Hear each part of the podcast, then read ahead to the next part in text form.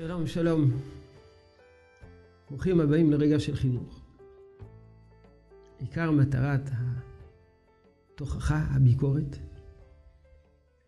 זה לחזק, לסייע. יש תוכחה שבמקום לחזק ולסייע, היא רק מחלישה. היא מייאשת, מייאשת את הילד, מייאשת את הנער, בעיקר בגיל ההתבגרות.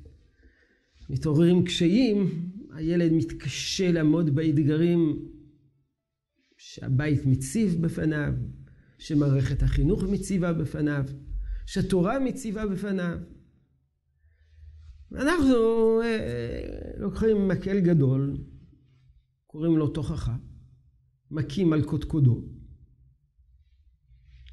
הוא לא נהיה מזה יותר טוב. נדמה לי שהניסוח הכי מדויק והכי חשוב וגם הכי נוקב בסוגיה זו, אלו דברי הגר"א בפירושו לספר משלי.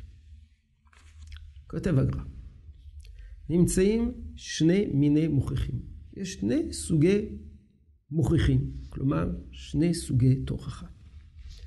אחד שמוכיח בדברים קשים ומבזה אותם, מבזה את שומעי התוכחה. ועל כן אין דבריו מתקבלים. אבל החכם בא בדברים טובים ומקרבן לתורה, כמו שנאמר בארון, אוהב את הבריות ומקרבן לתורה. אז דבר ראשון אומר הגר"א, לא לבזות, אלא בדברים טובים.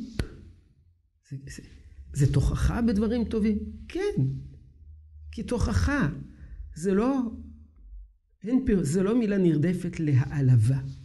תוכחה זה מילה נרדפת לחיזוק. החזרה בתשובה בדברים טובים. אבל נשמע את הדברים, המשך דברי הגר"א. וכן יש שמוכיח בדברים קשים, ואינו אומר כיצד לתקן את המעוות. אבל החכם מורה את הדרך כיצד לתקן ולרפות את החולי, את חולי הנפש. שתי בעיות, וכנגדם שתי צורות נכונות. יש מי שבא בדברים קשים ומבזה, ויש מי שאינו אומר כיצד לתקן את המעוות. הוא רק אומר, אתה לא בסדר, אתה לא בסדר, אתה לא בסדר, אפילו בצורה נעימה, הוא אומר, זה לא בסדר, זה לא בסדר, זה לא בסדר, זה לא בסדר.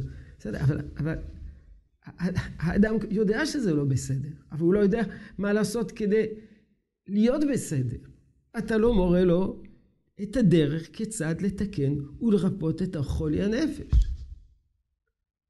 הביקורת זה לא רק תיאור מצב. לפעמים זה להציב לו תמונה מול, אה, מראה מול הפנים. תראה, כזה אתה. אז זה שלב ראשון.